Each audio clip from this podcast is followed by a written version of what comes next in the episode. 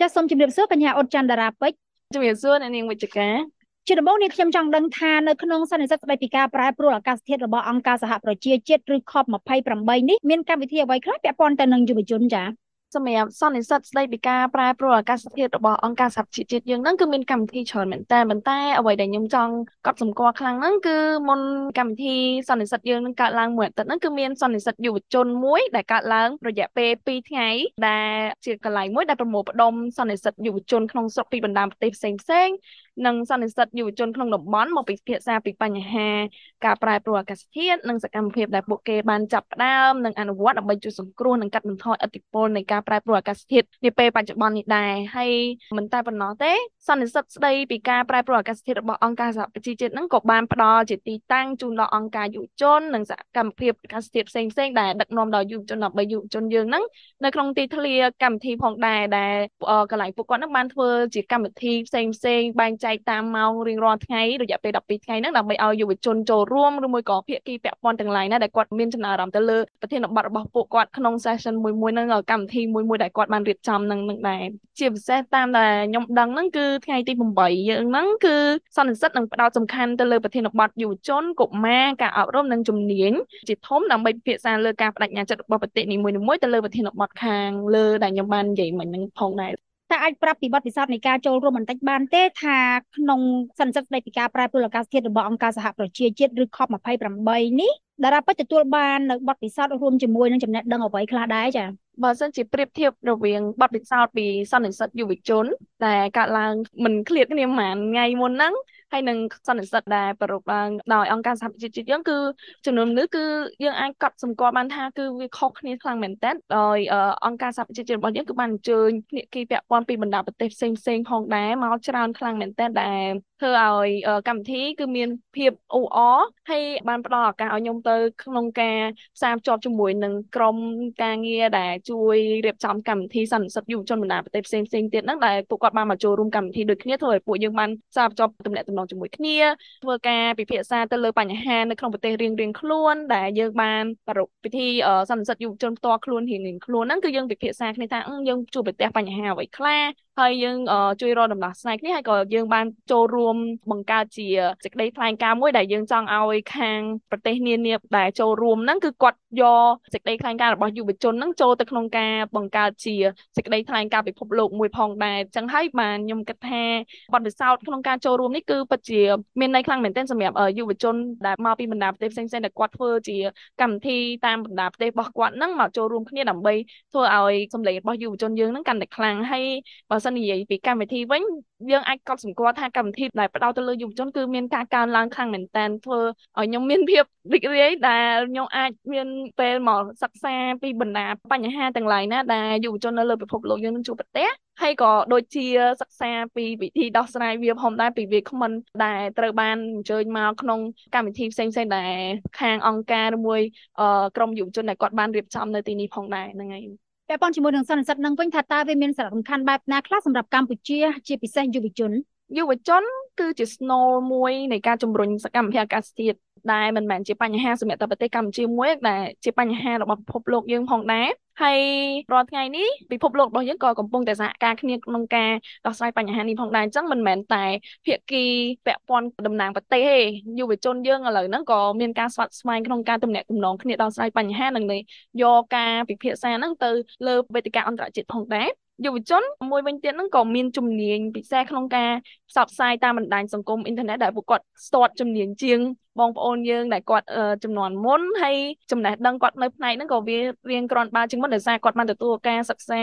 ដែលផ្ដោតលើបច្ចេកទេសនិងច្បាស់លាស់ជាងកាលពីមុនផងដែរហើយយុវជនយើងក៏មានឱកាសក្នុងការសិក្សានៅប្រទេសក្រៅតាមរយៈកម្មវិធីរយៈពេលខ្លីឬរយៈពេលវែងដែលពួកយើងអាចផ្លាស់ប្ដូរគំនិតគ្នា share ចែករំលែកទៅលើព័ត៌មានហើយក៏ដូចជាជំនាញដែលពួកយើងធ្លាប់សិក្សារៀងៗខ្លួនផងដែរ ហើយការចែករំលែកហ្នឹងក៏មានដូចជាគំនិតនិងការយល់ដឹងថាប្រទេសផ្សេងផ្សេងគ្នាហ្នឹងគឺមានភាពខុសគ្នាបែបណាហើយយើងអាចយកវាមកធ្វើជាវិធីមួយដើម្បីឲ្យពួកយើងហ្នឹងផ្សះផ្សាគ្នាហើយនឹងរកវិធីមួយដើម្បីសម្រេចបានគោលដៅមួយរួមគ្នាហ្នឹងចា៎ឃើញថាកម្ពុជាគឺជាប្រទេសមួយដែលរងគ្រោះខ្លាំងដោយសារបំរែបំរួលអាកាសធាតុតើយុវជនរងផលប៉ះពាល់បែបណាខ្លះហើយហេតុអ្វីបានជាយុវជនប្រឈមទៅនឹងបញ្ហាទាំងនោះ មិនមែនតែយុវជនមួយដែលគាត់ប្រឈមនឹងលទ្ធផលនៃការប្រែប្រួលអាកាសធាតុប៉ុន្តែបញ្ហាដែលយុវជនប្រឈមមុខខ្លាំងបំផុតនោះគឺកង្វះខាតនៃការអប់រំទៅលើបញ្ហាទាំងអស់នេះក្នុងផ្នែកសិក្សាមធ្យមសិក្សាឬមួយក៏វិទ្យាល័យឬមួយក៏មហាវិទ្យាល័យក៏ដោយយើងអាចសង្កេតមើលឃើញថានៅក្នុងប្រទេសកម្ពុជារាល់ថ្ងៃការមុខវិជ្ជាទៅលើផ្នែកអាកាសធាតុឬមួយក៏ពាក់ព័ន្ធទៅលើលើភាគជីវភាពគឺអត់សូវមានការអភិវឌ្ឍខ្លាំងទេអញ្ចឹង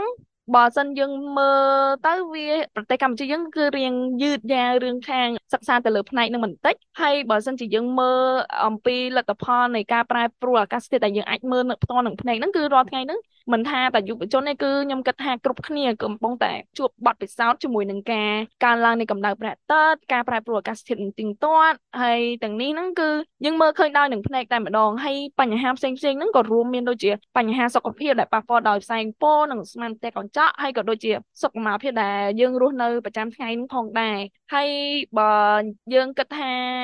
គាត់ជួបបញ្ហានេះដោយសារអីគឺដោយសារតែកង្វះខាតការរៀនសូត្រការយល់ដឹងពីបញ្ហាអាកាសធាតុហើយកង្វះខាតនៃការយល់ដឹងនេះផងដែរធ្វើឲ្យកាន់តែមានការខ្វះខាតទៅលើសកម្មភាពអាកាសធាតុនិងការចូលរួមរបស់យុវជន ព្រមទាំងការផ្សព្វផ្សាយលើបញ្ហាប្រឈមទាំងនេះដើម្បីឲ្យពួកគាត់អាចសម្របខ្លួនទៅលើការប្រែប្រួលទាំងនេះផងដែរអញ្ចឹងហើយបានការរៀនសូត្រទៅលើបញ្ហាការប្រែប្រួលអាកាសធាតុគឺចាំបាច់មែនតើសម្រាប់ឲ្យប្រជាជនកម្ពុជារបស់យើងសម្របជាមួយនឹងការផ្លាស់ប្ដូរនិងការប្រែប្រួលអាកាសធាតុសពថ្ងៃនេះតើយុវជនអាចធ្វើឬគួរធ្វើសកម្មភាពបែបណាខ្លះដើម្បីទប់ស្កាត់និងដោះស្រាយបញ្ហាប្រែប្រួលអាកាសធាតុដូចបាននិយាយចឹងបើសិនជាការរៀនសូត្រការអប់រំរបស់យើងបានដល់កម្រិត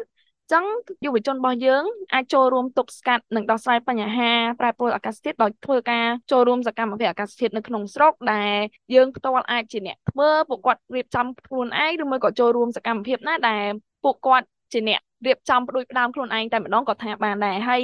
មួយវិញទៀតនោះពួកគាត់អាចបង្កើនទំនាក់ទំនងជាមួយកម្មវិធីនៅក្នុងតំបន់ឬនៅក្នុងស្រុកឬនៅលើពិភពលោកដែលផ្ដោតទៅលើបញ្ហាបរិស្ថានដែលខ្ញុំអាចមើលឃើញថាឥឡូវនេះគឺមានការបង្កើតកម្មវិធីពាក់ព័ន្ធទៅលើលើបរិស្ថានច្រើនមែនតើដែលយើងអាចកត់សម្គាល់បានដោយសារខ្ញុំផ្ទាល់បានចូលរួមដូចជាកម្មវិធីដែលរៀបចំដោយអង្គការសហប្រជាជាតិផ្ទាល់នេះ ហើយមួយវិញទៀតនោះគឺយើងអាចប្រចាំថ្ងៃជួយផ្សព្វផ្សាយនៅសកម្មភាពអាកាសធាតុនិងការចាប់ផ្ដើមផ្សេងផ្សេងដែលយើងគិតថាវាគឺជាឱកាសល្អសម្រាប់យុវជនចូលរួមដែលយើងឃើញនៅក្នុងបណ្ដាសង្គម Facebook ឬមួយក៏បណ្ដាសង្គមផ្សេងផ្សេងទាំងឡាយណាដែលយើងគិតថាយុវជនគាត់អាចឃើញ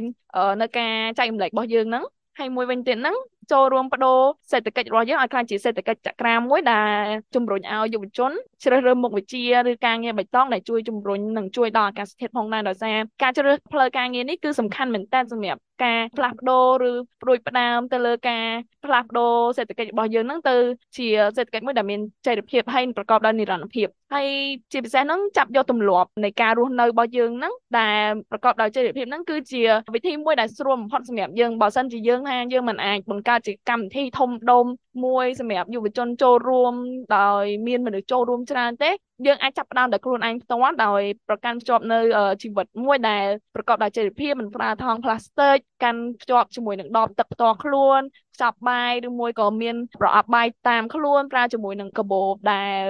គេហៅថា eco friendly ដែលវាជួយដល់បរិស្ថានរបស់យើងហើយបើសិនជាអាចហ្នឹងគឺយើងអាចផ្លាស់ប្ដូរពីការប្រើប្រាស់នៅយានយន្តឬមួយក៏មធ្យោបាយធ្វើដំណើរផ្ទាល់ខ្លួនហ្នឹងទៅជាប្រើមធ្យោបាយ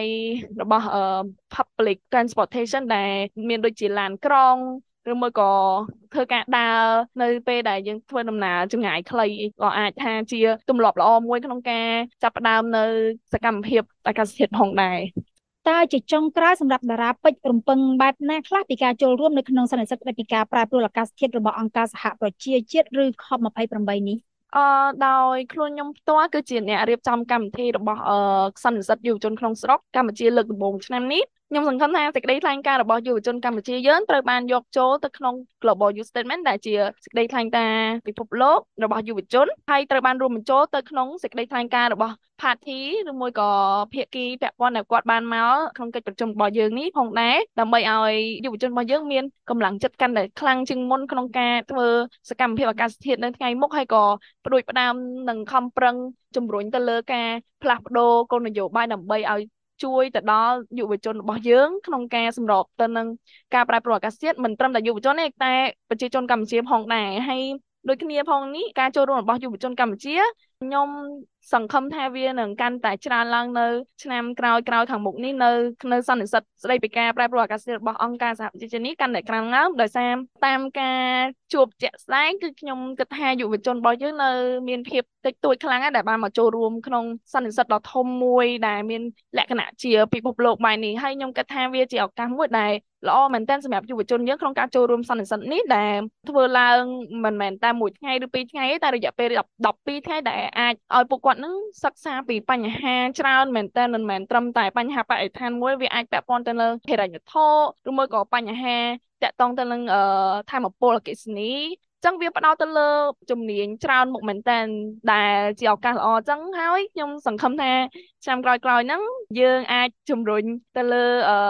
ក្រសួងឬមួយក៏បណ្ដាអង្គការផ្សេងៗឲ្យជួយផ្ដល់ជាការ support ផ្ដល់ជាការជំរុញទៅលើយុវជនរបស់យើងឲ្យមកកាន់តែច្រើនជាងមុនចា៎អរគុណតារាពេជ្រសម្រាប់ការផ្ដល់សម្ភារចា៎អរគុណច្រើននាងវិជ្ជការ